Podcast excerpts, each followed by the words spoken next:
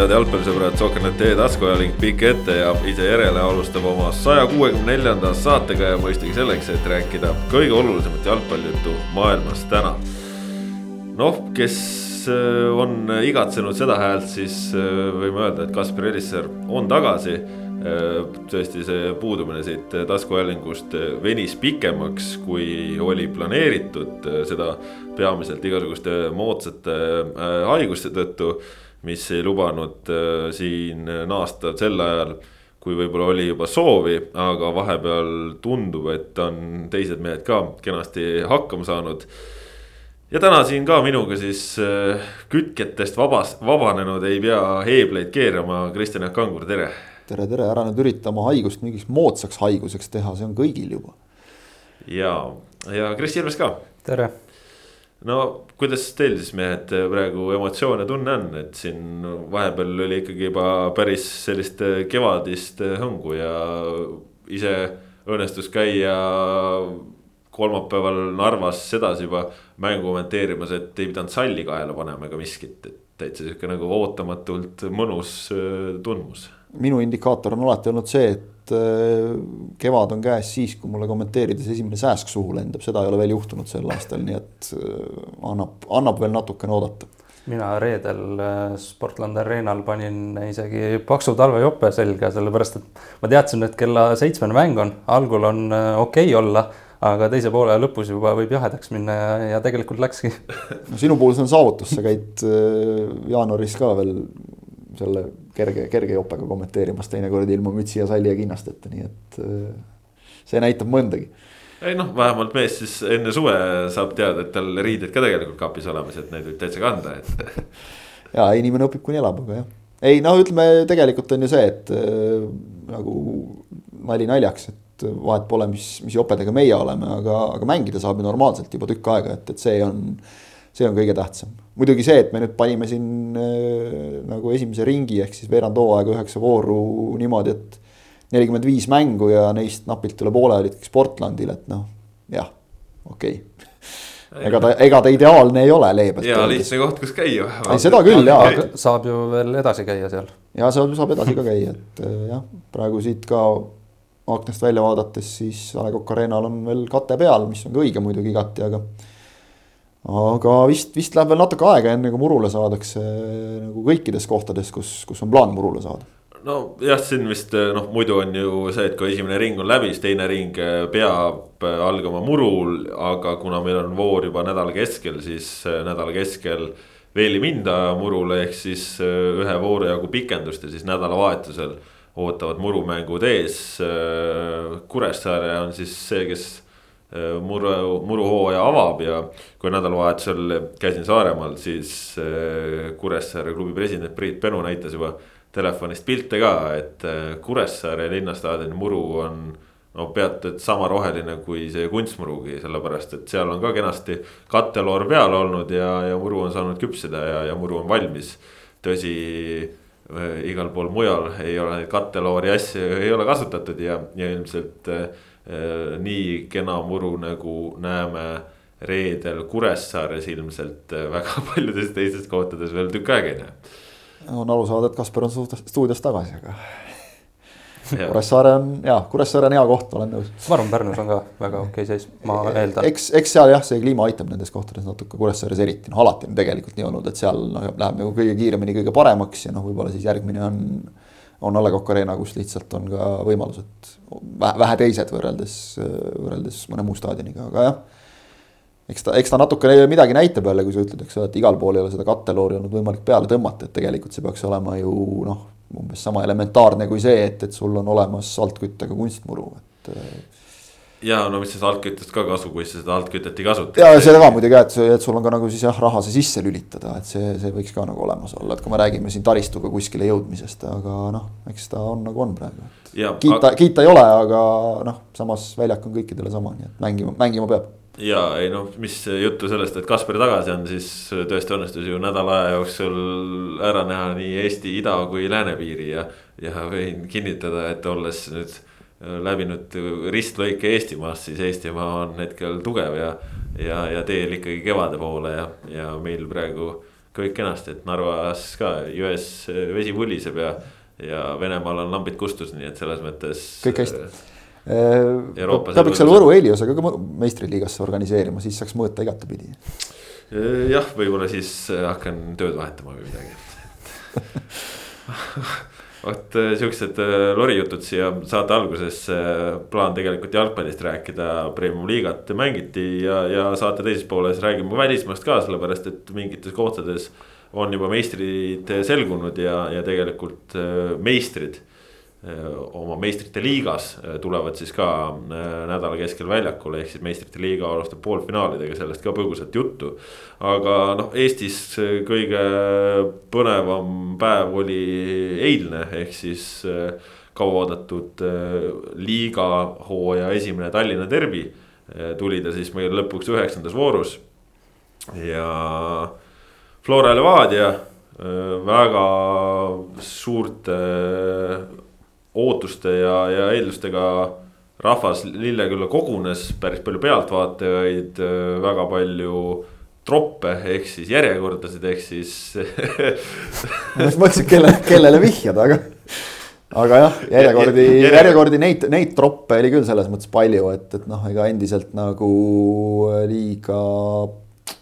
liiga hästi nende nagu mängule sissesaamistega ei ole, ei ole asjad meil ja ei... ikka neid, kes nagu ma tean ja, et, et eestlane on selles mõttes nagu endiselt õppimisvõimetu, et.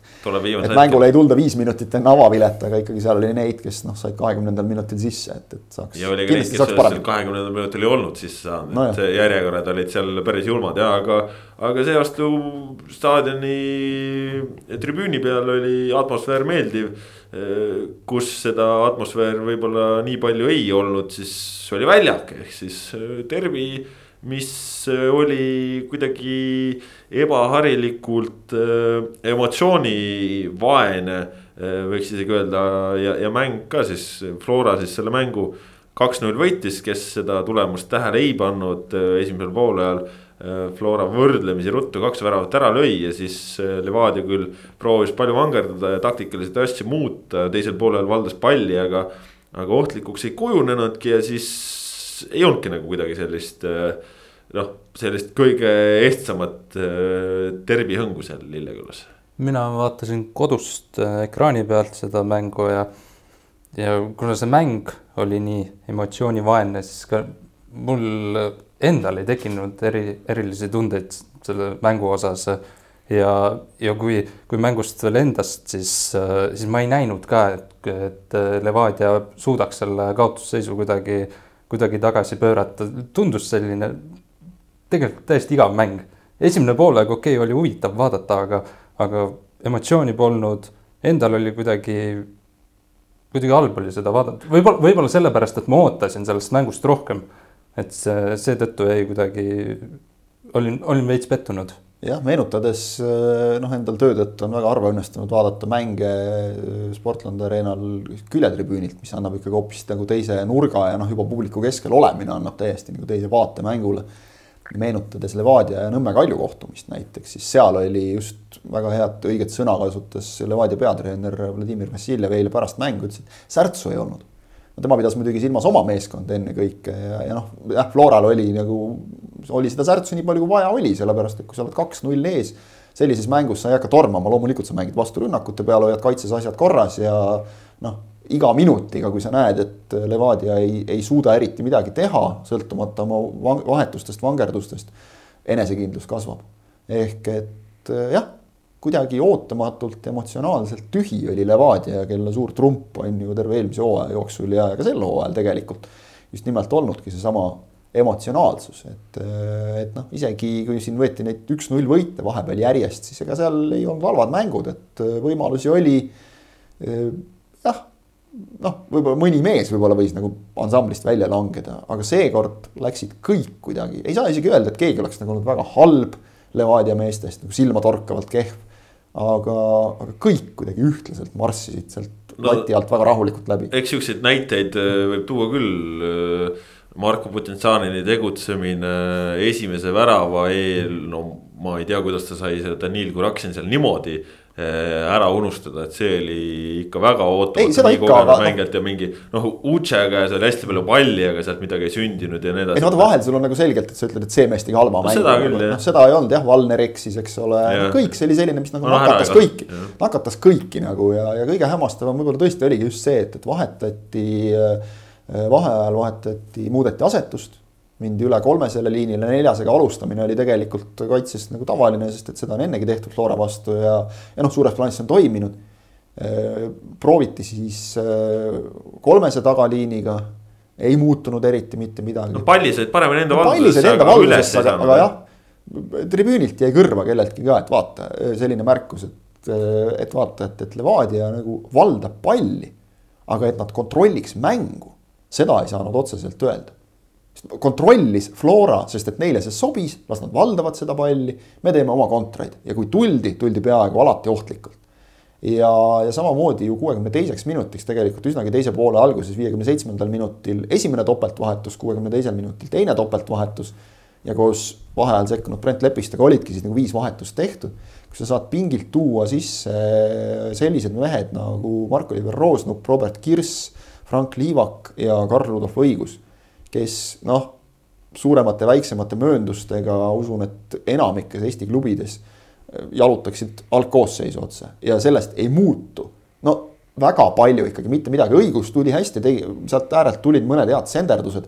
samas ega need nüüd mingisugust reaalset ohtu Flora väravale ka tegelikult ei kujutanud, see, et, et äh, sajaprotsendilist võimalust, ma julgeksin öelda, tegelikult Levadial ei olnud. Oblenkol tegelikult esimesel poolel üks no,, üks päris korralik oli. üks jah, selline, ütleme väga vähe oli neid. no ja Liilju sai teisel poolel ühe korra lüüa seal mingi kuue-seitsme meetri pealt, aga lõi väga selgelt üle, on ju. aga kui sa võrdled neid nüüd Flora võimalustega, noh siis ei ole nagu millestki yeah. rääkida. sa ütlesid, et need vahetused otseselt nagu mingit muutust ei toonud, aga vahetati ikkagi kas, kas siis ääri või, või ründaja kohal olevaid mängijaid no,. No. minu arust jäi mannetuks ikkagi Levadia keskväli, Putinžanin, Beglaršvili, Vašjuk, aga seda seetõttu, et äh, Flora, Flora kaitses kompaktselt hästi, seal keskväljal oli täielikult äh, Flora käes just. Flora nullis ära jah? et ja siis nad proovisidki äärelt, äh, Pikal oli päris mannetu päev, ei õnnestunud tal need senderdused, mõni üksik võib-olla. Liivak ja õigus natuke tõid seda teravust, aga. no oleme ausad, nende kahe meeskonna omavahelises mängus ei ole ju peatreeneritel eriti võimalik millegagi üllatada, sel hooajal juba mängiti kolmandat korda, superkarikas ja karikas ka, eks ole, karik-, karikamäng ju ka noh, tegelikult alles. et, et millega sa ikka üllatad, eelmise hooaja lõpus kaks korda järjest, siis mängiti ju ka tegelikult, viis mängu kokku, eks ole, karikafinaal ka veel et äh, mitte midagi sa seal ju väga välja ei nuputa tegelikult.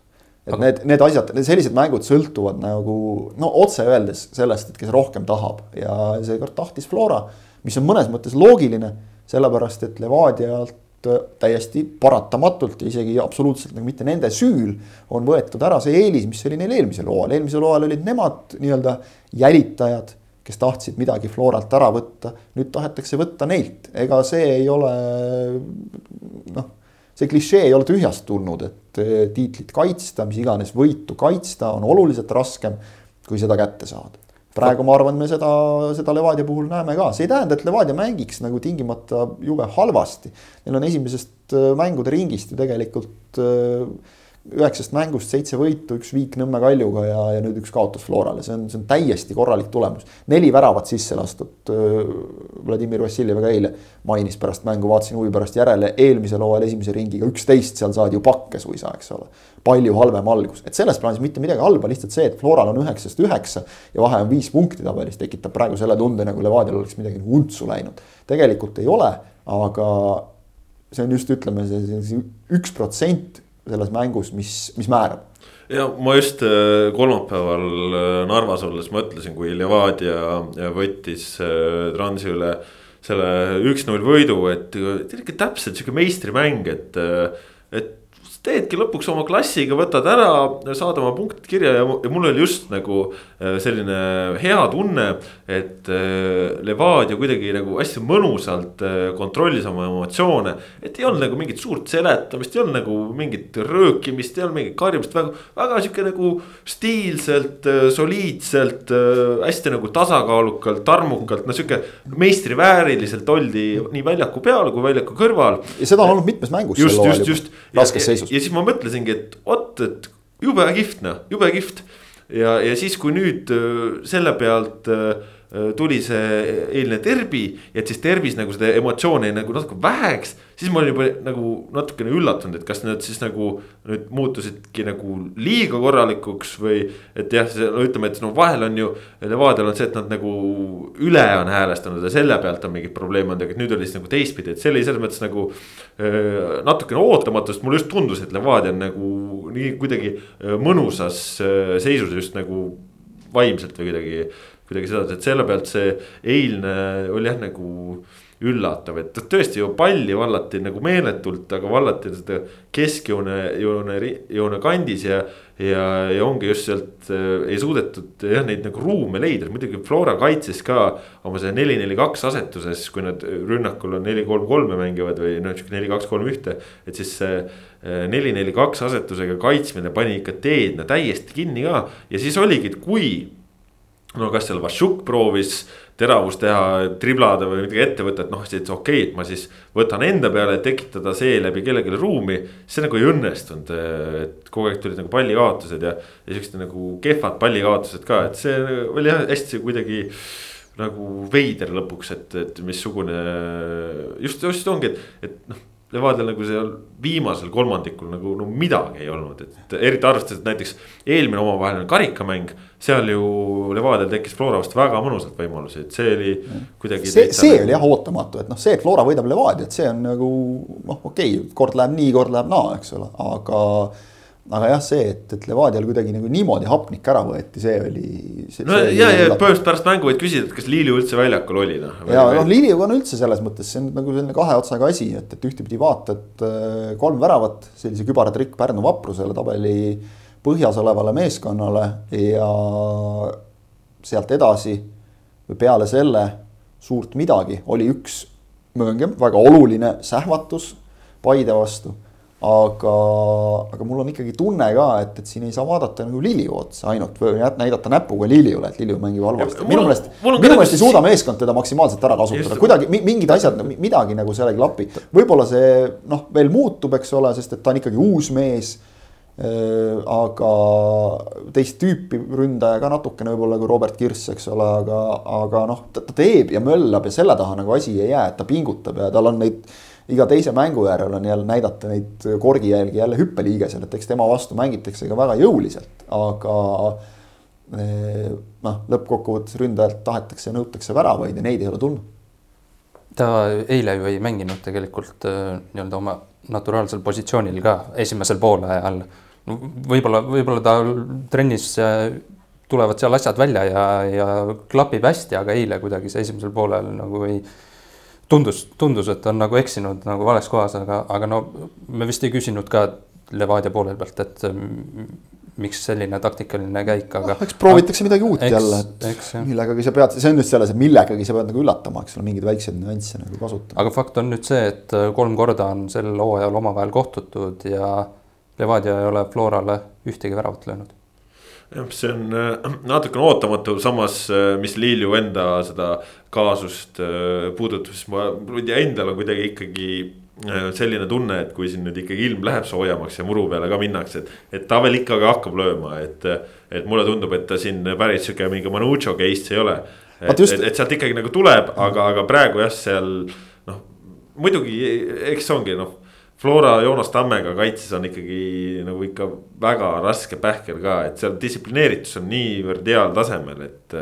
et noh, tegelikult oligi episoodiliselt Levadia noh, väga mõnusalt lükkab sööta, tulevad surve alt välja. väiksed kombiinid, kolmnurgad, seinad, värgid, kõik nagu on, aga siis, kui sa jõuad nagu vastase kolmandiku juurde, siis nagu saab see kuidagi ruum otsa. no võib-olla oli natukene see ka ikkagi, et, et noh, Levadia jah, okei okay,, kes ikka nii väga tabelisse vaatab praegu, aga noh, nad nagu teadsid, et nad nagu noh, ikkagi peaks nagu võitma, kasvõi juba see selleks, et tõestada, et. et see karikakaotus oli juhus, eks ole, et nüüd on jah, vahe viis ikkagi ja, ja noh, Floral oli selles mõttes natukene võib-olla pingevabam mängida, kuigi noh. no igal juhul oli pingevabam. Flora, Flora on alati näidanud seda, et, et nad nagu suudavad kuidagi jätta selle kõik ümbritseva kõrvale ja teha oma asja, noh, eks see on nagu nende suur trump, milles Levadia on neil tohutult palju järele võtnud, me oleme sellest palju rääkinud just see, et teed oma asja ja, ja siis tuleb ja nüüd tehti ka oma asja, et selles mõttes nagu kiitus. aga, aga jah, just ikkagi kui kõigil on natukene seda särtsu puudu, siis kokku see annabki selle tulemuse, et, et vastasel meeskondlikult on seda nii palju rohkem kui sul. et äh, kaks-null loogiline tulemus. aga kui ma suures plaanis arvan, et see kaotus ei ole Levadia jaoks mingisugune katastroof. absoluutselt jah. viis punkti, esiteks on praegu alles esimese ringi lõpp.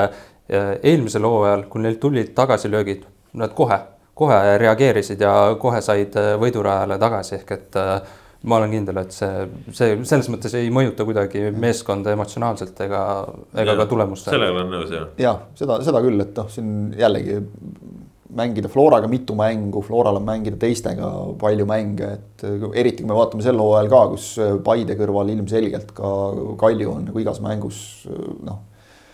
ütleme, astub väljakule ikkagi vähemalt praeguse seisuga, ma ütleks isegi tippude vastu, mitte päris kui võrdne võrdsega, aga, aga on ikkagi nagu oluliselt lähemal neile ja, ja noh. Kalju, Kalju läheb, sel hooajal läheb ka teisi tippmeeskondi läheb võitma. Seda ja, on nagu just. kohe näha, et minnakse ja. mängu võitma. minnakse mängu võitma, minnakse mängima selles mõttes ikkagi ja, ja, ja noh, selle pealt võib tulla, et jah, nad ei ole kestnud nüüd äh, kõikides nendes äh, mängudes lõpuni, Levadia mäng ka selles mõttes hea näide, aga, aga noh, lõppkokkuvõttes on ikkagi see, et, et kui, kui Kaljule oleks pakutud enne enne hooaja algust, et esimese ringi lõpuks oled Levadiast kahe punkti kaugusel. Käte peal oleks käidud, see on suurest rõõmust, et kui see oleks võimalik. jah, Flora on praegu natuke eest ära, aga, aga Kalju, ma arvan, võib küll nagu asjadega väga rahul olla, aga mis puudutab äh, Levadiat veel ja Levadia seda. Äh, mida nad ise nüüd on maininud, mitte vabandusena, aga siiski maininud äh, väga nagu tihedat mänguraafikut, noh tegelikult tihedaks on selle teinud täpselt üks mäng, oli nädalasisene mäng.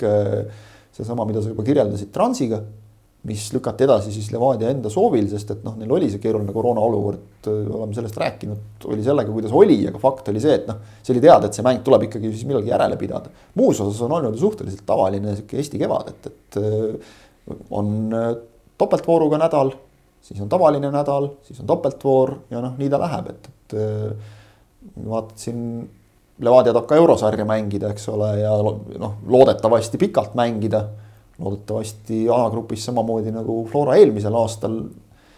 ei näe nagu põhjust, miks ei võiks nii olla, aga seal oli Floral sügisel nii, et okei okay,, Floral oli seal ka neid äh, koroona tõttu edasi lükatud mänge, aga, aga lihtsalt nagu näiteks, et.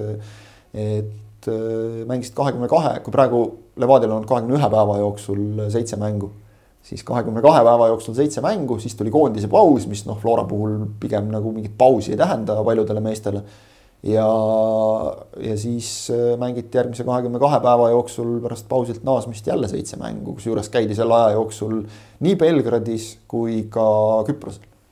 ehk et äh, noh, kaks mängu nädalas, see ongi selline tippklubi tase ja, ja Levadia tegelikult on ju selleks ka valmistunud, pink on pikk, lihtsalt praegu juhtus see, et, et normaalolukorras, kui sa tood viis meest nagu pingilt värskust tooma, siis nad peaksid kuidagi seda mängu muutma, seekord seda ei juhtunud, et, et noh, see, see, see pikk, tihe graafik, noh, see on, see on paratamatus, ma arvan. no see, eks viie mehe toomine seal äh, lõpuks oligi lihtsalt see, et Flora tegi kaitsesfaasis oma tööd väga hästi, et ütleme, et ega sa need viis venda tood siin Transi vastu või, või tood seesama Kuressaare vastu, et seal ju Mark-Oliver Roosnap tuli ja tõi väga palju teravust juurde, et eks see.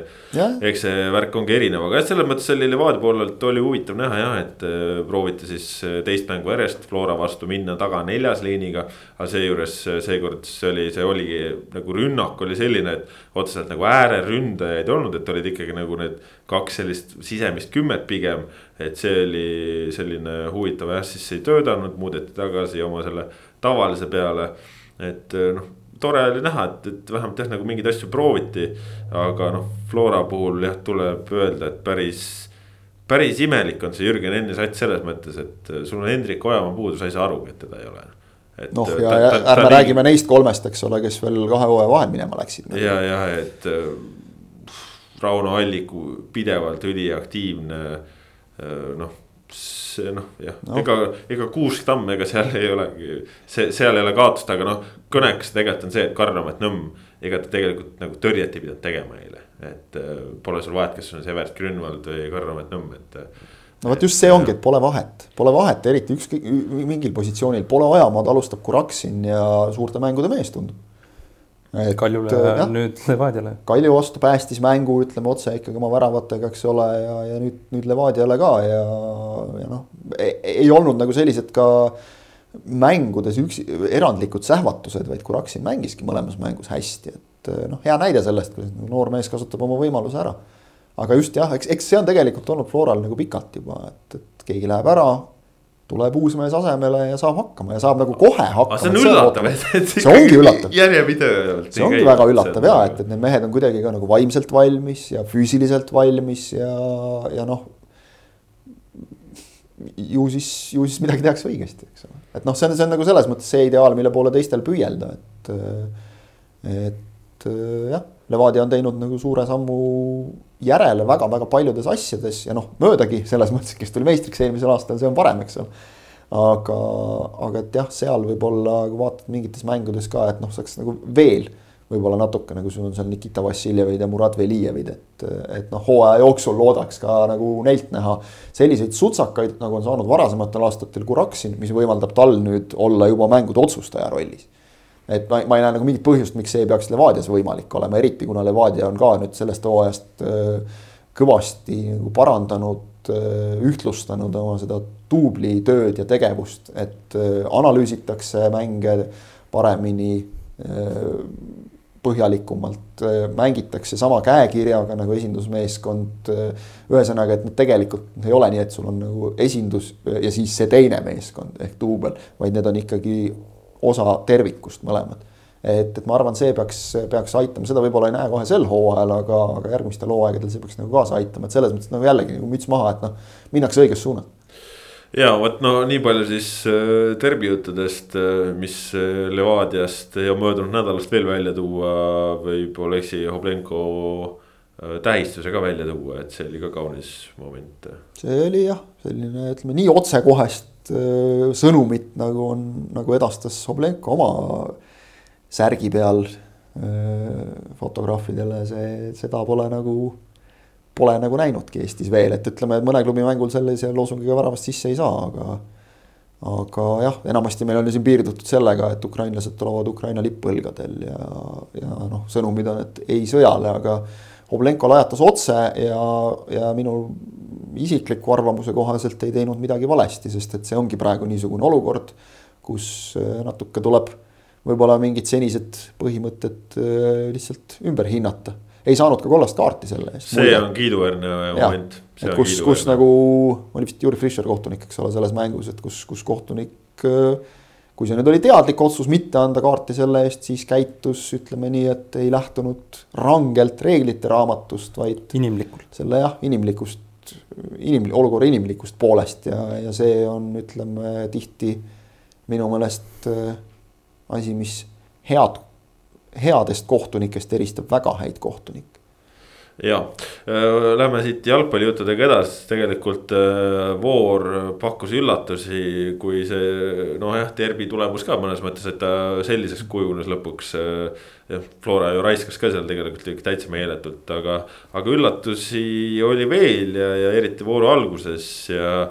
ja no vast, et kõige suurem sündis ikkagi Saaremaal, kus FC Kuressaare läks kaks korda Paide vastu juhtima ja, ja hoidis seda edu sedasi käes, et äh, Paidele üks-kaks kaotus ja kaksteist punkti liidrist. no tiitel on läinud, selle võib. Kuressaare, sa oled see Kuressaare kohta ütled, et sekkub tiitlimängu. Kuressaare ka ei sekku tiitlimängu sel hooajal, ei ma võin seda öelda küll ja täitsa julgelt. aga, aga Paide tiitel on läinud, see on selge täiesti. ma, ma seda julgen küll nagu öelda, et siin ei, ma ei näe nagu mitte mingit varianti, kus nemad nagu tiitlimängu, medalimängu ja see ei ole üldse küsimus aga, aga noh, jah, see, see Paide mäng ei ole ikka no ei ole veenev. Noh. ei ole just selles mõttes, et ei ole selle esimese ringi lõikes veenev, et on mängud, kus nagu mängitakse täiesti nii, et, et tõesti võid neid vaadata kui tiitlipretendente ja siis on mängud nagu Kuressaare vastu, kus, kus nagu ei ole, ei ole tervikut. ja, ja laguneb asi. ja ma ei ole aru saanud päris täpselt, mis vaevab Paidet nagu ka mängude algustes, et on palju juttu olnud sellest, kui nad nagu lõppe ära annavad, aga minu meelest on nad alguses ka tihti sellised kuidagi nagu hajevil. alguses on isegi jah nagu problemaatilisemadki vaata, et jah. just, et, et noh, lõpud on nagu meelde jäänud, kus on nagu suurte vastu, eks ole, ära antud need, aga vaata, kui kiiresti asjad muutuvad, oli see minu meelest eelmine saade, kus äh, kolleeg Järvela esines sütitava sõnavõtuga, mille peale meie sinuga, Kris, nagu nõustuvalt noogutasime, et ja tõesti nii tunduski, et kellelgi ei ole põhjust nagu äh, põdeda. ega, ega muretseda äh, enne esimese ringi lõppu, aga pane esimese ringi viimased mängud juurde ja juba on seis natuke teine, et, et on murekohti nii ühel kui teisel ja no Paide puhul, eks siin on, et äh, kaitses ikkagi Ragnar Klavanist on puudust ja, ja noh, selge on see, et alates koondise pausist ehk siis tegelikult terve aprillikuu on ju mängitud ilma äh, Klavanita ja noh, see annab tunda, see annab tunda. Äh, ja, ja noh, Siim Lutsu puudumine ka nüüd viimastes mängudes jällegi natukene sellist kogemuste särtsu on sealt eemal olnud. teisalt, kas see on vabandus?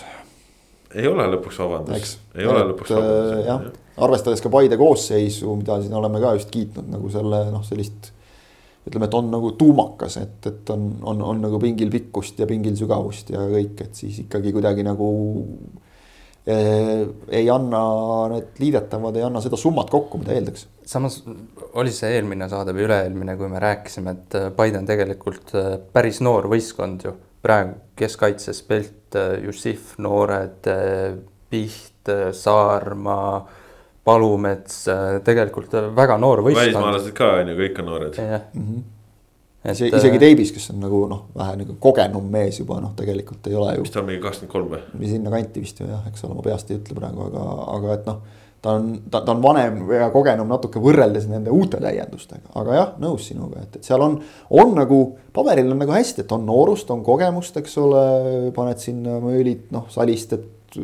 Akselust Klaavanist ei räägigi, eks ole. Davis kakskümmend kaks veel aasta lõpus, aasta lõpus saab kakskümmend kolm. noh, noor mees ikkagi veel tegelikult, eks no,. väga noor jah. et, et, et ei tea, kas seda jah seda noorust on nüüd nagu liiga palju saanud väljakule praegu korraga, aga me teame neid noori meeskondi siin teisigi ja ütleme, nad mängivad nagu ütleme oma võimet kokkuvõttes minu meelest paremini välja, et. no selles mõttes on jah. ikka kuidagi nagu see kollektiiviks liitmine, see on nagu mingil põhjusel probleem ja naljakas on see, et, et sa mingites mängudes mingit noh, vist tegelikult peaaegu et kõikides mängudes mingi perioodi jooksul sa näed seda nagu, et, et see on, see on hea sats. aga ta ei tööta miskipärast, ma arvan, et kui noh, oleks, see on nagu sihuke miljoni dollari küsimus, et ma arvan, et Karel Voolaid nuputab sama asja just, et miks ei tööta. aga samas, kui me mõtleme kasvõi Flora ja ja Levadia peale, kus Henn ja Savits on selle meeskonnaga saanud ju pikalt tööd teha. Voolaid on alles esimest hooaega võib-olla liiga vara tahame ka, et see meeskond töötaks no,. selge, selge on see, et see võtab aega ja, et ta siin ühe ringiga sa ei saagi seda kõike nii toimima, eriti kui sul on, kui pidevalt nagu puudujaid ja muresid ka. aga noh, eks siin see teistpidi ongi noorte mängijate puhul ongi no, näiteks Dominic Simon, kes tõusis vahepeal suurepäraste etteastetega põhikoosseisu.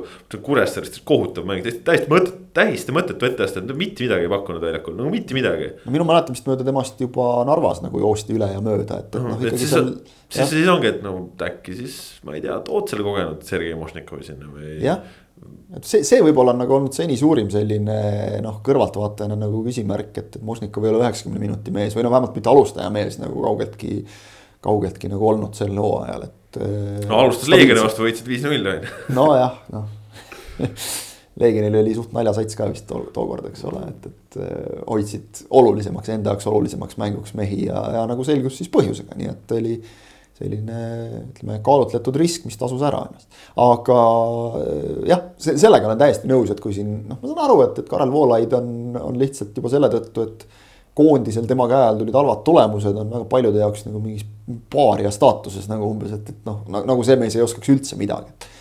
ei meeldi ka minule see, kui treeneritel ei lasta nagu tööd teha, et kui sa tood endale uue treeneri, siis, siis ta peab ikkagi saama nagu asju oma käe järgi sättida, et see hooajalised kontrollmängud täiesti teine teema, esimene mängude ring, üheksa mängu täiesti teine teema, et seal peab ikka olema nagu midagi kapitaalselt valesti, kui sa. jah, treenerid on vallandatud seal nelja-viie mängu pealt, eks ole, aga ma arvan, meil Eestis ei ole nagu seda luksust, punkt üks. ja punkt kaks nagu seda, et, et selles meeskonnas midagi nagu kapitaalselt valesti oleks seda ka ju öelda ei saa. ei ole, ei ole, sest noh, tegelikult ju ka, ka Kuressaare vastu periooditi palli valdamine oli väga hea, suudeti kiirelt ääri vahetada, justkui nagu tehti asju õigesti. aga noh, eks Kuressaare on kaitsefaasis ka üks keerulisemaid võistkondi tegelikult, keda nagu tervikuna murda, noh seda nägime ka Levadia peal, kes sallistas nad ainult üks-null on ju, et. Kuressaare oskab minu meelest väga hästi ära kasutada neid äh, vastase nõrku hetki seda nägime ja. tegelikult juba eelmise hooaja lõpus, kasvõi minu meelest hea näide on see Floraga tehtud äh, kaks-kaks, eks ju, et vastase nõrkust, kui Kuressaare nagu haistab, siis, siis hammustatakse. ja, ja ütleme, et see, see meeskond. Nad teavad, kes ja mis nad on, nad teavad enam-vähem seda, kus on nende lagi.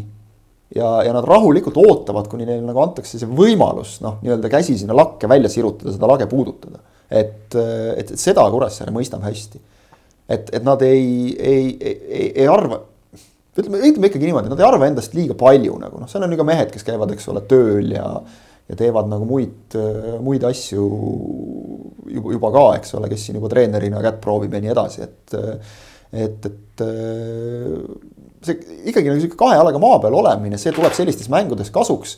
ja, ja, ja minu meelest oli ka just see, et nii kui nad nägid, et, et Paide on nagu korraks haavatav nii nad kohe proovisid ja õnnestus. ja, ja no tegelikult äh, Paidel seda reservi on ikkagi ju kõvasti, et mõtleme.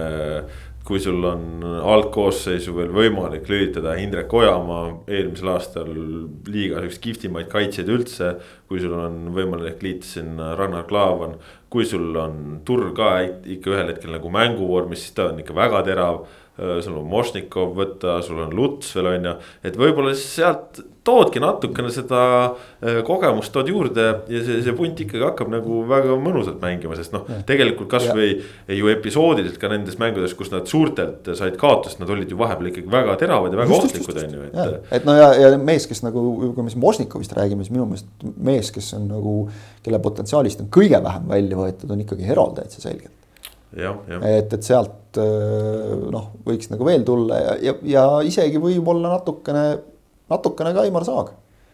natukene, et, et ei ole ja, ja noh, Saagi nagu klassis ja kvaliteedis ei ole mõtet kahelda, et, et jällegi kuidas õnnestub nagu meeskonnal teda leida ja ära kasutada, et, et Saarma ja Piht näiteks noorte meestena minu meelest on noh, väga tublilt hakkama saanud. Pihtil oli siin vahepeal raske aasta, eks ole, välismaal, Saarmaal äh, kõrgliigasse hüpe on, on õnnestunud ikkagi suhteliselt hästi, et, et, et noh, seda, see, see, need on nagu kindlasti need positiivsed asjad, mida nad saavad esimesest ringist kaasa võtta ja. ja noh, tegelikult ei ole nüüd see tabeliseis ka midagi kohutavat nende jaoks kaugeltki mitte, et. et eriti veel, kui sa mõtled nagu selle peale, kuidas, kuidas just nende suurtega mängiti ja noh, napilt käest ära läksid, et et nüüd on tähtis just seda vaimutugevust hoida, hoida ja kui seal mõni õnnestumine peaks tulema, ütleme näiteks nagu kellegagi suurtest, ütleme siis eespool olijatest praegu nagu, et kui sealt nagu võit võtta ja võtta hea mänguga, siis see võib anda Paidele jälle nagu selle võtme, mis noh, keerabki nagu selle meeskonna lukust lahti. praegu ollakse nagu natukene kipsis, võib-olla see ka, et nagu taheti nagu hästi palju praegu näed, et väga ei suju ja noh, siis ongi, läheb nagu mingites olukordades siukseks punnitamiseks nagu. ja, ja tegelikult noh, ongi seda vastutust tundub, ongi, et noh, lihtne on peatreeneri kaela lükata. Aga noh, selles mõttes, et kui sa ikkagi tahad olla medalisats ja, ja sa oled mängija väljakul ja sa ei suuda seal oma ülesandeid ka täita, on ju, noh siis. eks see ongi natukene mängijatel ka peeglisse vaatamise koht, on ju. ja selles mõttes oligi väga huvitav oli näha, et kui Paide oli Kuressaare vastu selle Poola üks-kaks kaotanud, siis äh, vaheajal Karel Voolaid andis päris palju aega mängijatel omavahel riietusruumis marineerida. enne kui ta ise siis äh, lõpuks sinna läks ja oma sõnumid sinna viis, et. et seda oli huvitav näha, aga tõesti noh, tegelikult ju ütleme ongi, et kui sa saadki selle Ojamaa kasvõi oma äärekaitse, saad Frolovi selle asemel keskväljale juurde. saad omal keskväljal ühe Turatsel jänese, noh see võib ka nagu seda mängu sealt keskelt aidata nagu paremini, paremini suunata, et seal neid kohad on, aga noh, Kuressaare lõpetas ka kolm mängu järjest äh, olid kaotanud. Äh, noh, üks siis Tartu Tammeka fopaa ja siis tegelikult Florale ja Levadiale. Äh, et nüüd saadi jälle siis tabeli esineliku satsi hammustatud, nii et nüüd on siin kaks nädalavahetust järjest need asjad ka juhtunud, nii et liiga hakkab üha enam ellu ärkama arvestades, mis mured Kuressaarel on olnud vigastuste tervisega, siis väga korralik esimene ring tegelikult nende poolt. Ja Sten Reinkord, ta on ikka väga õigesse kohta sattunud ikka väga õigesse kohta jah, ikka väga Just. õigesse kohta jah, et jah, et ma isegi ei kujuta ette, kui ta näiteks Tartu Tammekas mängiks, siis ma arvan, me neid tema trumpasid sedasi ei näeks nagu praegu Kuressaares, et. jah, ta on selline jah, natukene nagu. Ta nii hästi sobib sinna, tõesti hästi sobib. ikkagi nagu selgelt selline jõulisemat tüüpi ründaja, et, et noh, see. kes tegelikult mängib põhimõtteliselt noh, oma esimest aastat nagu tipuründajana noh jah, tegelikult küll jah, tegelikult küll, ta jah, aeg-ajalt tipus, aga ikkagi pigem noh. Floras ta oli tipuründaja, aga tast ei saanud mängida, on ju. jah, siis on, siis on raske tipuründajana läbi ka lüüa. jah, et selles mõttes praegu küll. aga noh, see kolmik, äh, Trans, Tammeka, Kuressaare on, on täpselt äh, sellised, et äh, mängivad kohati väga hästi, näitavad, et heal päeval on võimelised suuri hammustama. On võimelised halval päeval ka noh kaotama üksteisele ja kaotama ka võib-olla väga halval päeval veel tagapool olijatele, aga eh, tegelikult ikkagi on nagu selgelt sellest, eh, seda ma julgeksin küll öelda ka nagu mängu, mänguliselt, et ärme vaatame isegi neid punkte, aga aga viimasest kolmikust ikkagi nagu selgelt ees, et tegelikult selles suhtes me vist umbes nii ennustasime ka. no nüüd võime minna viies, selle. viies, kuues, seitsmes koht on ikkagi nagu seal, seal see kolmik on nagu paigas ja minu meelest seda esimene ring on kinnitanud ka. no aga lähme selle jutu juurde, Tallinna no. Kalev sai oma esimese võidu Tartu Tammekal üks-null ja Tartu Tammekat ei olnud väljakul. vot see oli jah ootamatu see, see nagu ei läinud ka kokku üldse sellega, samamoodi nagu see, et Levadiale seda särtsu, see oli ootamatu, siis ka see, et, et Tammeka nagu nii mannetu oli jah, Kalev oli tubli selles mängus, ärme Kalevilt mitte midagi ära võtame, aga, aga noh, see, et kuidas sa ei saa aru, et äh, Jan Jakovlev on päris kiire poiss. kuidas sa lased tal järjest tulla ja tulla ja tulla seda äärt mööda, kogu aeg on ta seal vaba. loomulikult ta lõi sealt lõpuks värava ka. täpselt Jakovlevi trumbid, kõik, kõik mängiti talle nii-öelda kätte. et kuidas seda nagu ei, ei nähta, kas treeneri pingilt või no isegi noh, sellist asja ei peaks nagu treener ju, ju premium-liiga tasemel ütlema, seda peaks mängijad ise suutma ära jagada, et, et see, see, see vend tuleb kinni võtta lihtsalt seal oli ju see ka, et äh, ma ei tea, kas Taio Tõniste ei olnud täiesti valmis, igatahes ta vahet, ta pingil oli, aga ta vahetusest ka peale ei saanud. no Tõnistel on terviseprobleeme olnud palju. ju tal olid mingid mured, sest ma arvan, et äh, kui ta oleks terve ja valmis mängima, siis selle oleks pidanud ikka läbi lõikama, et Tõniste sinna Jakovlevi äärele panna jah, sest no, no nad tegid ju tegelikult äh, pärast esimest poolaega kolm, kolm vahetust. kolm vahetust ja, ja kui ma õigesti mäletan, kas siis Veelma toodi teiseks poolajaks sinna nii-öelda siis selle viiese liini parempoolseks Jakovlevi katma, aga, aga no, ei, väga ei muutunud. ütleme siis, et jah, ei, ei saanud hakkama, sest et sa võid sinna nagu kiirema ääreründaja tuua nagu, eks ole, sinna tee kaitsesse ka tööd, aga kui ta ei jõua, siis ta tagasi, siis ta ei jõua, eks ole, jah, nad läksid ju tegelikult äh, juba null-null lõppenud esimese poole järel noh, mitte nüüd riski peale välja, aga, aga selgelt ründavamaks, et, et kui kui äh, toodi, võeti Kuharev ära ja toodi Mätas sisse, eks ole, ehk ründaja juurde, aga aga pigem läks mäng halvemaks sellest, et tegelikult minu meelest teisel poolel tuli Kalevil nagu just sealtsamalt Jakovlevi äärelt ja üldse nagu. Kalev on mänginud tegelikult ju kogu aeg eh, terve hooaja jooksul ka suurte vastu. noh, me oleme rääkinud sellest korduvalt saates nendest standardolukordadest, kus nad jätavad kolm meest ette, mis tähendab, et vastane ei, ei saa ka eh, liiga suuri jõude karistusalasse viia, neid tuleb valvata, aga nad on mänginud selles mõttes nagu meeldivalt, julgelt. Nad on alati valmis kontrasse tulema. ja üsna loogiline, et nüüd tuli ka mäng, kus vastane nagu ei hammustanud seda lõpuks lahti ja, ja magaski järjepidevalt Jakolevi spurte maha.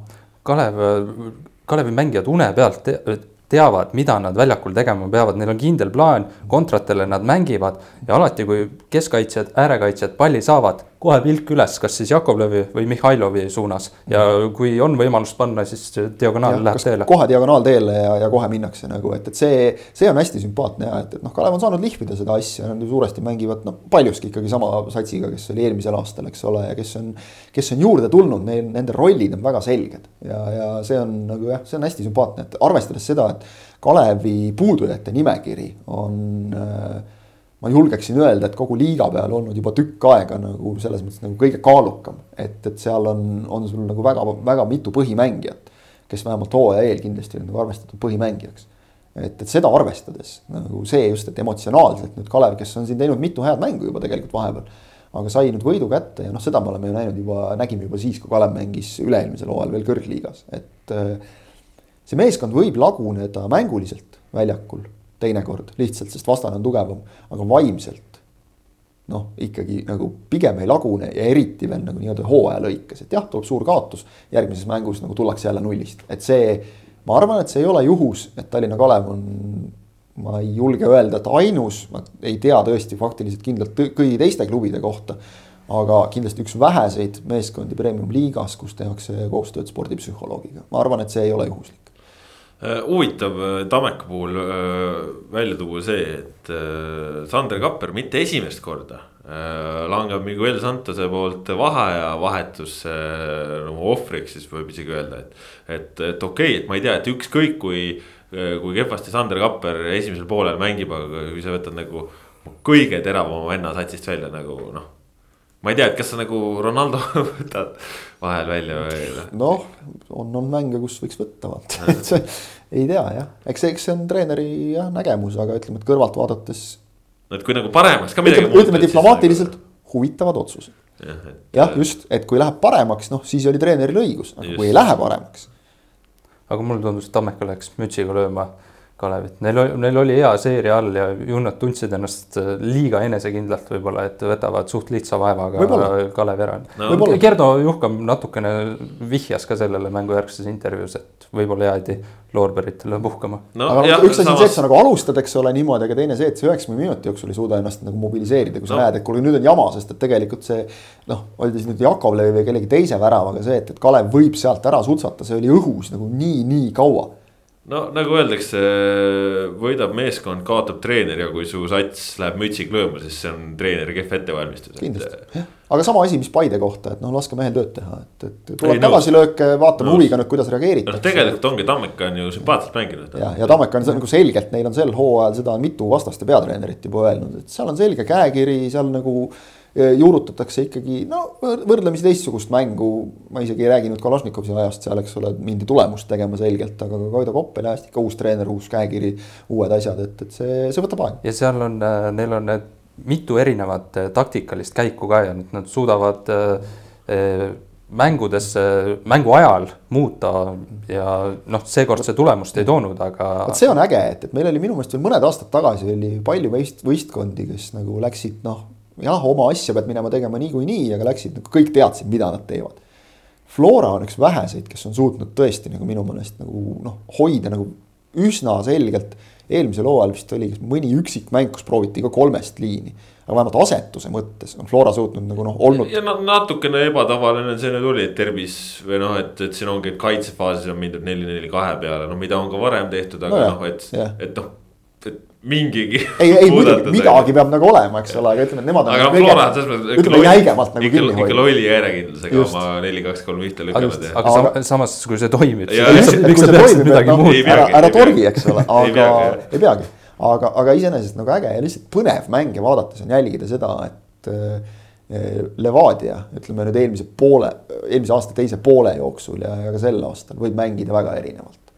Tammeka kohandab ennast mängu käigus, Kalju kohandab ennast mängu käigus noh, Kuressaare on võib-olla siin oma mingeid lükkeid teinud natuke sellest tulenevalt, et, lihtsalt mingi mängijate puudused olnud, eks ole, aga ütleme, ka neil on, ka neil on nagu mitu valemit, mida vastavalt kasutada. no absoluutselt nagu Reinkord, Reinkord, Reinkord tõi ka välja, ma ju küsisin, äh, ongi, no muidu nad mängivad, et Reinkord üksi tipus on kakskümmend. nüüd nad mängisid äh, kaks ründajat tipus ja üks kümme ja siis ta ütles, et ongi, et kui meil on, kui me oleme kõrgelt pressis, siis me oleme alati kahe ründaja, noh, et see on. Narva Trans, eks ole. samamoodi vahetab ka ju neli, neli, kahte ja neli, kaks, kolm, ühte ja. noh, see on tegelikult üldse see, et, et ma, ma tean, et vist praegu palju neid on nagu ette tulnud, et, et kui sa tahad nagu mõnda tre-, sellist uuema põlvkonna treenerit närvi ajada, siis hakka asetustest rääkima, et, et noh, siis ta hakkab kätega vehkima nagu.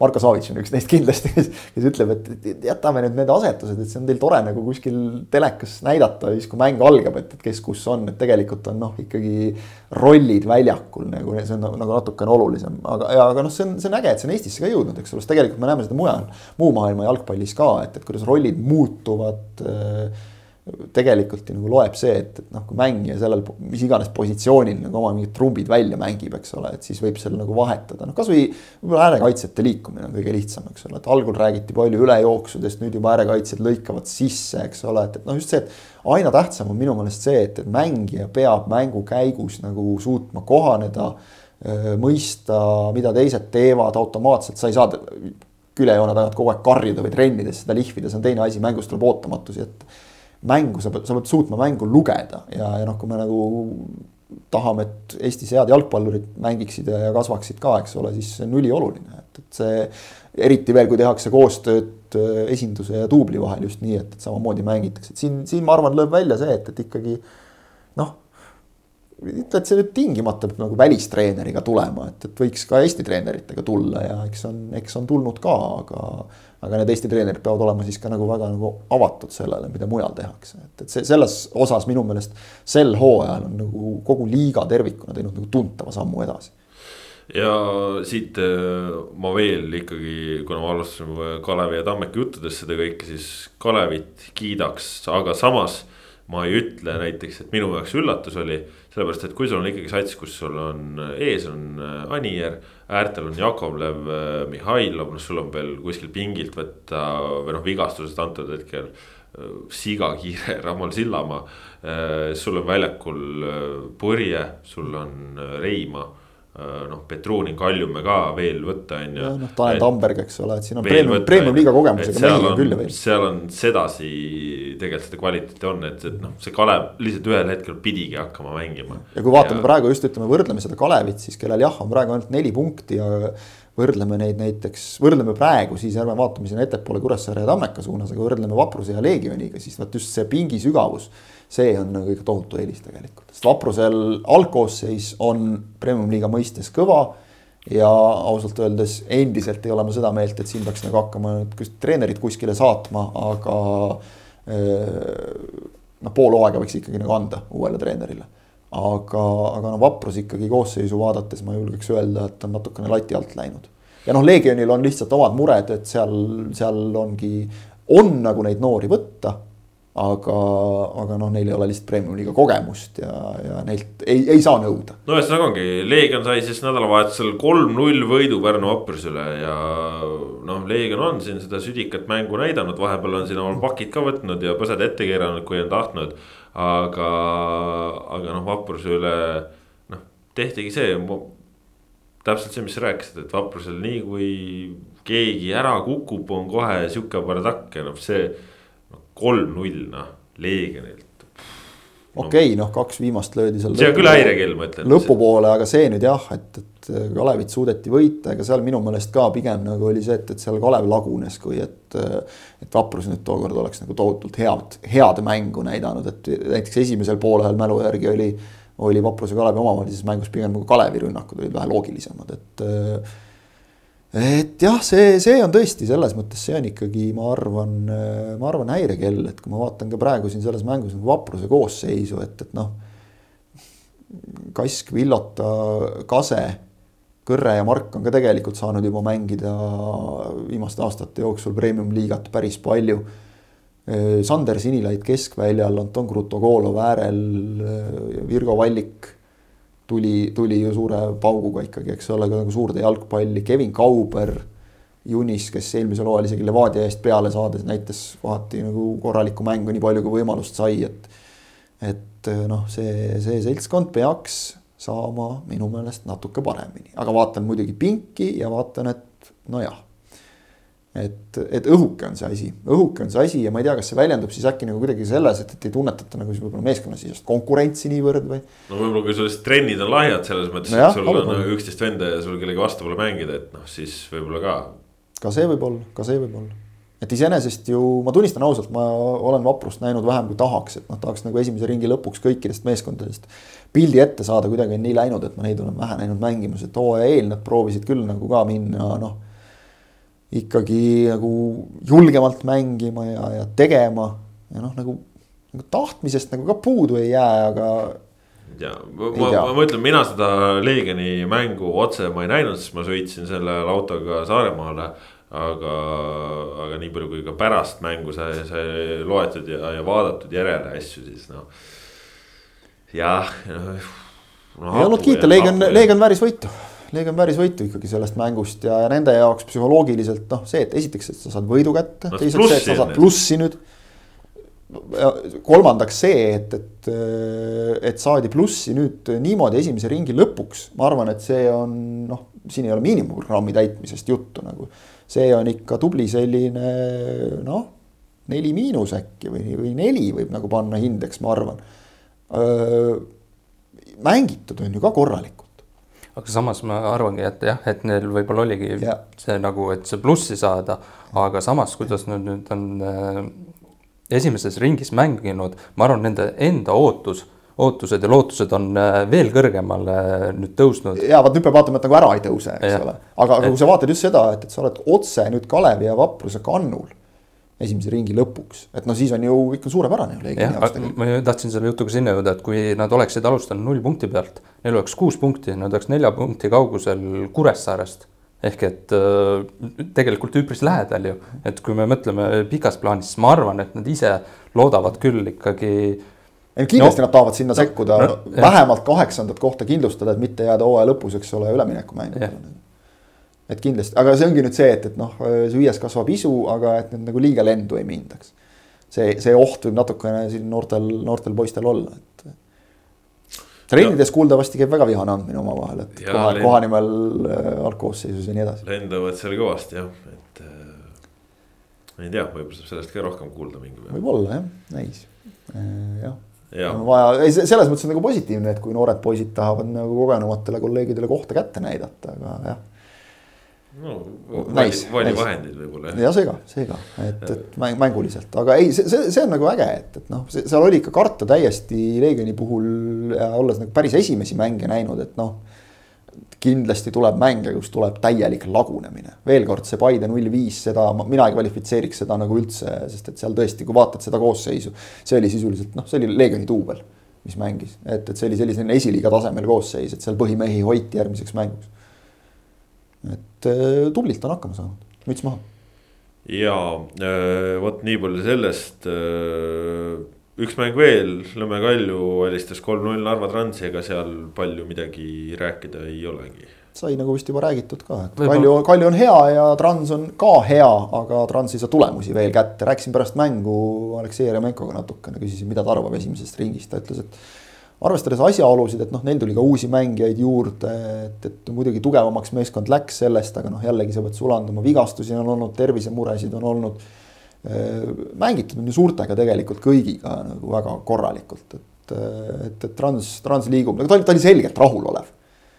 pärast äh, null kolm kaotust Kaljule, et, et suures plaanis nagu ta oli, ta oli selgelt, ütles, et mänguga ei saa nagu rahule jääda, aga suures plaanis ikkagi ta oli, ta oli rahulolev, et, et ma arvan, et Trans liigub nagu väga, väga õiges suunas ja, ja noh, nende jaoks jah, ma ei tea, neljanda koha püüdmine on maksimum ilmselt, aga viiendale kohale mängida praegu noh, see, see peab olema miinimum, ütleme siis, ma arvan. jah, Tammekal ilmselt sama eesmärk, sama miinimum ehk viies koht. tõenäoliselt ja Aga... ma ei näe põhjust, miks Kurel ei võiks tegelikult olla samasugune eesmärk, kui sa vaatad ja. just seda, et kui palju neil on mehi väljas. et kui, kui sa nüüd saad need kõik tagasi, siis miks mitte selle koosseisuga. aga kui enne rääkisime, et äh, tuleb aega anda uutele treeneritele uutes meeskondades, Voolaid äh, Kalašnikov, siis äh, Jeremenko ja Edi Cardoso. Nemad tundub, et praegu väga pole seda aega endale vajanud, et tegelikult mõlemad väga-väga hästi saanud meeskonna hooaja alguses käima, eriti, eriti siis Kalju. kes on sisuliselt praegu, praegu ikkagi kõvasti tiitlimängus sees. Ja, ja selles mõttes küll, et äh, jah, Kaljul see mänguline pool on, on jah, päris kiirelt tulnud, isegi üllatavalt kiirelt ja noh, siin siis tuleb tõesti kiita seda, mis, mis seal on hästi tehtud. ärme unustame Kaljul ka seda, et, et kui sul on kaitseliinis seal kogu aeg nii, et saad ühe mehe tagasi, keegi kukub jälle välja, nüüd Vladimir Avilov tuli äh, eks ole, esimesed, esimesed minutid, teine minut premium-liigas sel hooajal, esimene värav olemas, noh, kõik korras ja oli kaitses muidu ka nagu tubli, et. Avilov äh, kolmeses kaitseliinis, tema et noh, me teame kõik, eks ole, et teatavad kiiruslikud puudujäägid on tema, tema põhiline miinus, et siis ei paista seal nagu nii väga välja minu meelest, et, et seal kuidagi noh, nagu teisi on, on turvajaid nii-öelda, et, et see. see andis, ma arvan, Eddie Cardosole sellise väga mõnusa signaali, et, et okei okay,, sul noh, võib siin neid põhikaitsjaid välja kukkuda, Manone istus küll pingil. ehk et noh, ilmselt ta viimases hädas oleks saanud sekkuda. aga et jällegi võistkonnasisene konkurents on seal Manone, Tsivelekidis, Šarnin äärekaitses nüüd Elhi jäi pingile selles kohtumises. Äh, varust tuli. jah, varust tuli, ma mõtlengi Alkos jäi nagu pingile, et, et äh, sedapuhku, et vahetusest sai, saad sek-, sai sekkuda, et nüüd on äh, see uus mees, brasiillane Võlves, kes nüüd alustas, noh midagi, ei midagi säravat, aga nagu on ka näha, et on mängumees, no Markovitšist ei ole üldse mõtet rääkida, see on nagu oma poiss täiesti, eks ole, et Kaljul jällegi see, ikkagi see pingi sügavus annab nii palju juurde sa praegu lugesid ette erinevaid äh, Kalju mängijaid ja siis mul tuli kohe pähe Kaspar Paur, aprillikuu parim mängija Premium-liigas minu arust. täiesti fantastiliselt on mänginud küll jah. nõus, nõus, et, et Paur on, on teinud nagu jälle vahepeal eelmisel aastal tekkiski nagu see mure, et kas ta ka hääbub täiesti, aga, aga palun. Paur on, on väga hästi pildis ka just nendel samadel äärepositsioonidel on, on mõnus. Kaljul on keskel veel see uus ukrainlane ka võtta ju ja uus ukrainlane on võtta ja, ja on ju ka ja. Andre Fortune, kes peaks nüüd ikkagi lubatakse teda varsti tagasi, et, et seal, seal läheb kõvaks andmiseks, seal on Šlein, seal on Subbotin, noh, seal. see, seal läheb ikka väga kitsaks, aga ma arvan, et see on treenerile ainult hea, et noh, hooaeg on pikk ja, ja sul on hea, kui sul on valikud. Transis pole seda ääremängijat näinud, Lucky Opara või? väga Lucky ei ole olnud seni aga pole te näinud ka nagu? ei ole näinud ka, peaks vist küsima, et mis tast saanud on üldse yeah., et, et, et mis ja kus, aga noh, Transil jah, Projomov. Projomov, Kuževnikov on, on andnud juurde küll, et, et seal ka, ka samamoodi. sul peab olema ikkagi seda meeskonnasisest nagu sügavust ja, ja küll siis tuleb, aga Transil sama asi täpselt, et, et just nagu sa ütlesid, et treeneri käekiri on selge, mehed teavad, mida on vaja teha nüüd on juba selline lihvimine nii-öelda noh, nagu lihaluudele kasvatamine, et, et selles plaanis ma arvan, need meeskonnad mõlemad võivad, eriti Kalju muidugi esimese ringiga küll, küll väga rahul olla. kuigi jah, mängu ajal, kui Eddie Cardossot vaadata, siis ta on pigem nagu rahulolematu, et noh. saad aru, et, et tema ideaalist on asi veel väga kaugel, aga et noh, siis mõtledki, et kui nüüd see nagu nüüd kätte saadakse. eks Kalju meestel võib-olla mõnel mehel on nagu see natukene see varasem taak ka veel, kus, kus nagu noh, tuli mängida väga nagu kindla peale Cardoso tahab ikkagi, et, et julgelt ettepoole, põhiliselt tema etteheited, kuna nagu noh.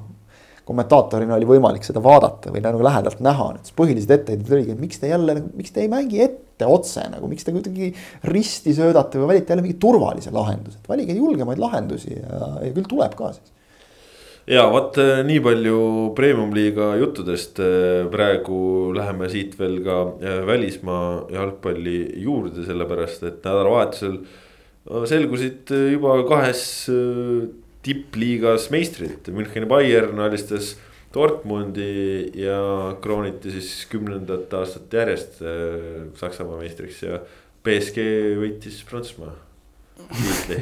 ja ma hakkasin naerma sellepärast, et kang-, kangur haigutas samal ajal, kui sa rääkisid, aga, aga samas see ongi.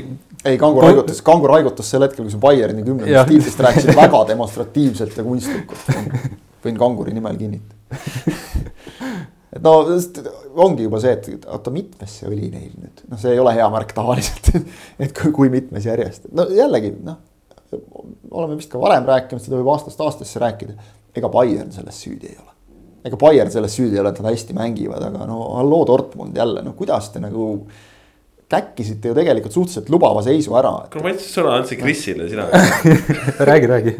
Kris hakkas naerma, ta ei saanud rääkida ega ei olegi rohkem midagi öelda tegelikult selle kohta, et no, äh, vaheldust tahaks. no ma jah, ma ütlen siis BSG kohta, no nemad äh, selles mõttes võtsid selle tiitli tagasi. et äh, seal natukene on seda vaheldust olnud, oli eelmine hooaeg oli, oli Lill ja siis äkki mõned hooajad varem Monaco ka. ehk et seal on natuke seda vaheldust olnud aga Messi tõi tiitli jah, Messi värav, okei okay,, see oli tal liigas neljas sel hooajal.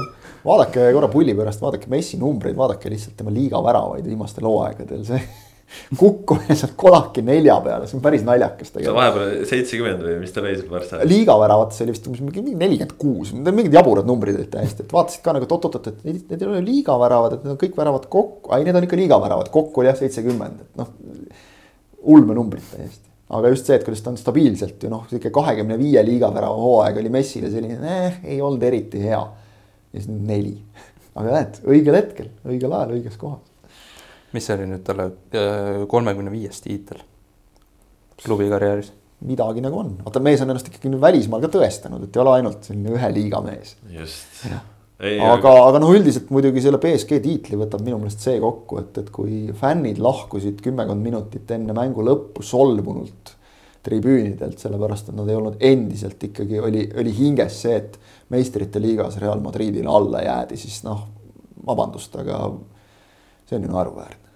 see on naeruväärne ju noh, kui, kui ära hellitatud saab olla. see on ikka, see on ikka pekkis noh. see, see on ikka piinlik noh. see näitab juba Bayerni ja BSG vahet ka. Väga hea- kuidas, kuidas. Bayerni fännid äh, reageerivad? noh, said ka piinliku kaotuse tegelikult ju Via Realilt. Just. no selles mõttes, et. Bayerni jaoks kindlasti piinlik Jah., kindlasti. ja, ja fännid tähistavad kümnendat äh, liigatiitlit järjest. see ongi see, et kas sa nagu, kas sa oled klient või sa oled nagu üks osa Fänn, sellest jah. perest, eks ole et noh, see on jah, et, et jah, seda vaadates parased välja kukkusite, polnudki väärt seda meistrite liiga. no see üldse, kui sa vilistad seal omaenda mängijad, Neymarid, Messid välja, no mis sa arvad, mis sellest paremaks läheb või nagu jah, jah, hästi-hästi nagu veider, muidugi et nagu okei okay, on kriitikat teha ja vilet anda ja nii ja naa, aga. aga oleks siis nagu põhjust, oleks siis nagu põhjust, et kui oleks nagu Real Madridi oleks vastu mingi, mingi tavaliselt viieteistkümnendal kohal, siis ma saan aru sellest, aga nagu sa võidad meistritiitli, sa oled kümme minta enne just, ära mida, mida siis nagu nende meeskondade fännid peavad tundma või mõtlema, et, et kes nagu liigast välja kukuvad või, või kes on, on siin suure ajalooga ja okei okay,, noh, Prantsusmaal need seal ka laamendavad, eks ole. minu meelest umbes kordamööda käib, et küll Lyoni omad ja siis sihuke- Marseille omad jälle, eks ole. seal on nagu see, et, et kuulge, et noh, piinlik ongi, ongi nagu sedapidi piinlik, et miks me nagu ei mängi tiitlile, et me peaksime seda suutma ja kõik. sellest ma saan noh, lõhkumist ja laamendamist heaks ei saa kiita, aga sellest saab nagu inimlikult aru kuidagi. aga sellest, et umbes, et, et me võitsime ainult liiga tiitli, vähe. no see on ju. see on sihuke naftaraha mentaliteet, et ma nüüd öö, kuhjasin kõik vennad kokku, ma kohe pean kõik maailma asjad saama. ja kui ei saa, siis olen sihuke solvunud ja lähen nurka, noh et ma ei tea, nagu Torino Juventus, et öö, said sisse ka Via Realilt ja, ja ei suuda meistrite liigas midagi teha siis ikka. ei, ei me selle superliiga ikka kindlasti teeme ära, et see on vajalik ja me oleme tituleeritud klubi ja palju saavutanud. mis Villarrealilt, vaadake üle kõigepealt, kellele nad kaotanud viimastel hooaegadel meistrite liigas järgemööda ja siis räägime edasi, aga. aga ma väga loodan, et, et Prantsusmaal noh äkki tuleb siis, tulgu siis veel paar šeiki ja las võtavad veel mõned klubid üle, et, et siis vaatame, äkki siis need Pariis Saint-Germaini fännid nagu ei nuta ka nii palju.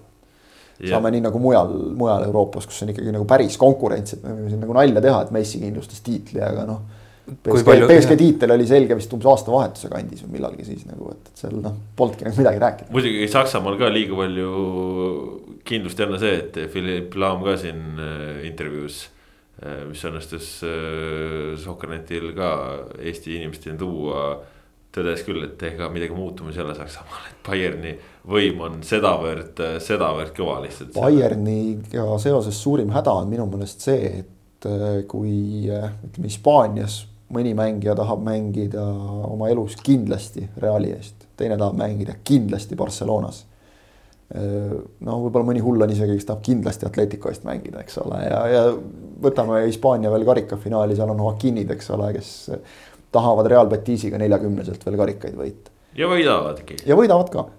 Saks-, vaata ma enne kui sa mõtte lõpetad, ma ütlen, et Saksamaal on see, et eh, kõik tahavad kindlasti Dortmundis ja Bayernis mängida. mina ütleks, mina ütleks seda, et Saksamaal tahavad kõik just sinna, ma tahtsingi tegelikult jõuda, et Saksamaal tahavad kõik mängida Bayernis, see on see ülim tipp. Inglismaast ei ole üldse mõtet rääkida, seal on ühel üks, teisel teine lemmikklubi, eks ole, kuhu tahaks jõuda, aga Saksa, Saksa jalgpalluri karjääri no ikkagi lagi, ütleme. Vahel saad nagu jah, sealt läbi lae ka veel lüüa, et siis läheb veel, veel paremaks nagu, aga, aga lagi nagu tipp on see, et kui saad Bayernisse, kui Bayern kutsub, siis ära ei öelda üldiselt. no mingi, lätl, mingi lätlane on ka seal juba. on oma no. lae saavutanud. jah eks ole, aga, aga, aga seal on minu meelest nagu on see, see on nagu täiesti selge ja see hoiab Bayernit, kui nad kedagi tahavad, siis nad ikka saavad ka. ja see ei ole see, et sa pead nagu jõuga mänge ära lohistama, jällegi Bayern ei ole süüdi selles. Bayernis mängimine on nii prestiižikas asi, et, et seda, muidugi on erandeid, üksikuid, aga noh, valdavalt on ikkagi nii. ja, ja see tõmbab nagu magnetiga kõik, kõik asjad ja inimesed Bayernis praegu vähemalt tundub nii ja noh, mis siin salata, Bayern pakub ka ikkagi väga arvestatavat äh, võimalust igal aastal püüda meistrite liiga tiitlit. aga huvitav, kas treeneritel on ka samamoodi, nagu sa kirjeldasid, kas Jürgen Klopp mm. tahab Bayerni treener olla? Klopp on võib-olla üks erandeid, aga noh, kui sa ikka teisi nagu vaatad siin noh, kasvõi seesama Nagelsmann, eks ole mm. -hmm. et, et ikka, ikka sinna tõmbab ikka kõvasti, tõmbab ikka kõvasti no vot, äh, põgusalt siin meistrite liigat äh, sai mainitud, äh, sel nädalal alustame siis poolfinaalidega, teisipäeval Manchester City ja Real Madrid, kolmapäeval Liverpool ja Villarreal, kaks Inglismaa klubi, kaks Hispaania klubi, nagu ikka tavaks on saanud, vaatame siin võib-olla siis põgusalt sihuke ennustuse vormis otsa, et mida oodata sellelt nädalalt nendest mängudest, Kris uh,? homme siis on uh,. City Real. City Real, jah ja, uh, kumb kodus? City. no see on, noh, minnes kolmapäeva juurde korraks ära hiili vastusest kõrvale. okei okay., no ennustada ma, ma tahan, et Real saaks finaali lihtsalt Benzema pärast. aga samas äh, ma tahaks, et Guardiola saaks ka City'ga midagi Euroopas kätte. said eelmisel aastal finaalis mängida, neil veel vaja on. ma ei tea, mulle kumbki meeskond ei meeldi.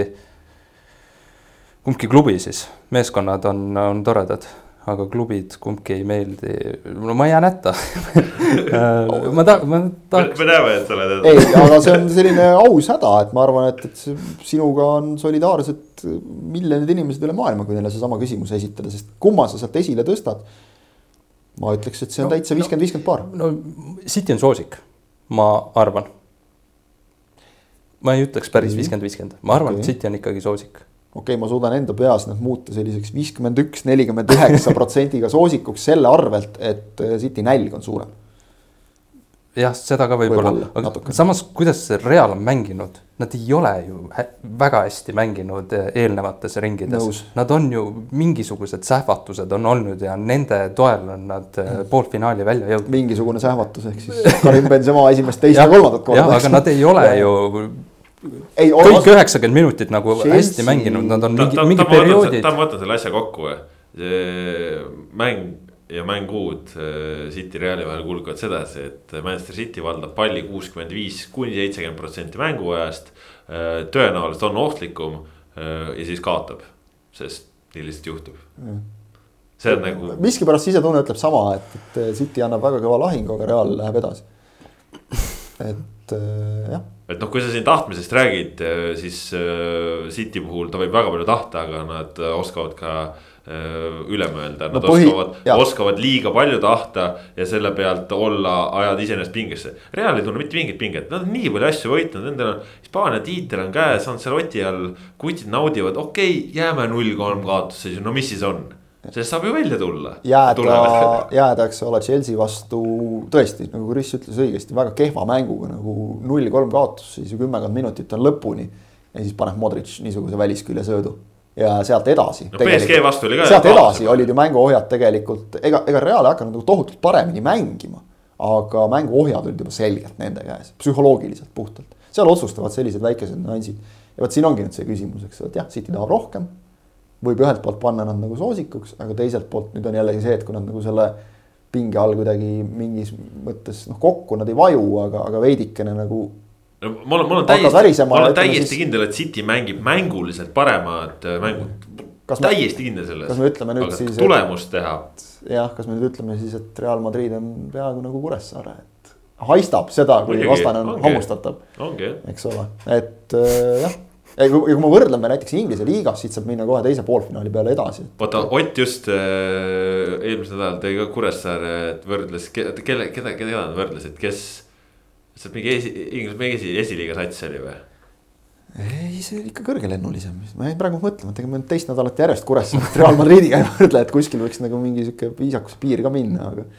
aga, aga hüpata see tegelikult ma, selle saab kohe järele vaadata tegelikult, aga et, et kui, kui hüpata nagu korraks juba teise poolfinaali juurde ka, siis äh, kui vaadata Cityt. Liverpooli nagu veenvust Inglise liigas ka keerulistes olukordades ja City oma, siis ma ütleks, et City nii kindel ei ole, ei ole olnud et, et selles plaanis Liverpool on, on nagu kõvem ja, ja, ja Cityl on nagu olnud märke sellest, et raskel hetkel midagi seal käriseb kuskil. teine paar äh, siis Liverpool, Via Real, Via Real on järjest hammustanud kõiki. aga seal on vist see, et äh, Liverpool peaks esimese mängu kodus mängima. ma arvan, et äh, Villarreal seal ei, ei saa tulemust kätte. äkki mingi, ma ei usu, et Villarreal mingit pakki ka saab, aga ma arvan, et Liverpool võtab juba esimeses mängus mingi kindla sihuke kaks-null võidu ära. ja ma arvan, et sellega on siis tehtud ka. mina arvan, et äh, Via Real näitab hambaid. ma arvan ka, aga- ma, olen äh, alanud arvata alates mängudest Juventusega ja, ja ma olen alati olnud liiga vähe optimistlik, et kui ma olen ennustanud, et Via Real saab kätte viigis, nad on võitnud. kui ma olen ennustanud, et nad äkki seekord äh, saavad mingisuguse ikka kaotuse, siis nad on viigistanud, et äh, Via Real on täpselt see Unai Emeri, nad on nagu kaks duelli sihuke karika formaat, noh, see on, see on nii Via Reali teema ja, ja nendel ongi algkoosseis on nendel kõva ja tuhhiga panevad ja ma arvan, nad isegi võivad seal Anfieldil ka vurri ka korraks käima lükata, isegi ma arvan, et nad võivad seda, kui kodus nad tahavad kindlasti seda teha. ma ei usu, Liverpool on lihtsalt nii hea praegu, ma ei, ma ei usu. kui poolfinaal mängitaks. said sa teada? mis võistkonnast? ei leidnud üles. ma arvan, et äkki, äkki Atletico või Äkki oli. Villarreal või midagi sellist. Kui poolfinaal mängitakse ühemängulisena, siis ma julgeksin panna, julgeksin hinnata Villarreali võimalused arvestatavaks. kahe mängu kokkuvõttes kahe mängu olen kokkuvõttes., olen Krisiga samas paadis, et, et ma ei näe neil Liverpooli vastu šanssi. Just mängu- mitte selle tõttu, et Villarreal ei suudaks, ei kuidagi seal väristama hakkaks, mida iganes, vaid Liverpool on lihtsalt täpselt nagu Kris ütles, Liverpool on lihtsalt nii hea. Sellega ma olen äh, nõus, et äh, kahe mängu kokkuvõttes äh, Liverpool on parem, aga ma arvan, et ühes mängus aga, nad. aga kuna see esimene mäng on Anfieldil, siis ma arvan, et seal põhimõtteliselt otsust-, otsustatakse ära. ma kardan ka, ma kardan ka, et, et teine mäng võib olla selles mõttes skoori mõttes juba natukene nagu nukker, aga muidugi noh, kui Liverpool ütleme piirdub seal sellise soliidse kaks-nulliga näiteks kodus, siis, siis teises mängus jääb veel pinge õhku. see, seda tahaks nagu loota sellest paarist, et jube kurb oleks, kui meistrite liiga emmas-kummas poolfinaalis nagu teine mäng enam ei pakuks erilist äh, sportlikku pinget. vot ma seda, usun, ma usun, et see jääb õhku tegelikult, seda ma usun. Ma arvan ka, et mingi kahe väravaga Villarreal, Villarreal teab seda nagu ka, et nad ei tohi seda asja esimese mänguga käest ära anda. sest nad teavad, et nad saavad koju. just, ja ei anna ka. äh, sats, keda, kellega Kuressaaret võrreldi, oli siis Fulham. Fulham, vot. Fulham rõkkab, aga FC Kuressaare on margini on veel minna, oli siis. õige jah, see oli jah. mõte läks kuskil, minu arust. ma mõtlesin, ma mõtlesin me tõmbasime muud mingeid muid paralleele veel, see oli võib-olla saates sees, seda enam ei mäleta, kes enam mäletab nädalataguseid jutte. jah, no vot, ühesõnaga siis äh, te arvate, et äh, Kris arvab lõpuks, et siis City ja. ei, ma arvan, et ikkagi, ma arvan, et äh, City on soosik, aga Real läheb edasi ja teises paaris kindlalt Liverpool. aga selle nädala tulemused puhtalt pelgalt, mis Inglismaal toimuvad. Äh, City Real viik ja, ja Liverpoolile kaheväraline võit. Kangur, ahah, Liverpooli kaheväravaline võit tundub loogiline. Ja City Reali viik tundub ka tegelikult üsna loogiline, aga ma usun, et finaalis on äh, Real Liverpool. Ja seal on täitsa mündivise. no sellest jõuab meil ennustada, selleni on palju aega ja palju saateid ka. ma ise pakun siis, et äh, City kodus äh, võidab ja Villarreal sõidab Hispaaniasse viigiga.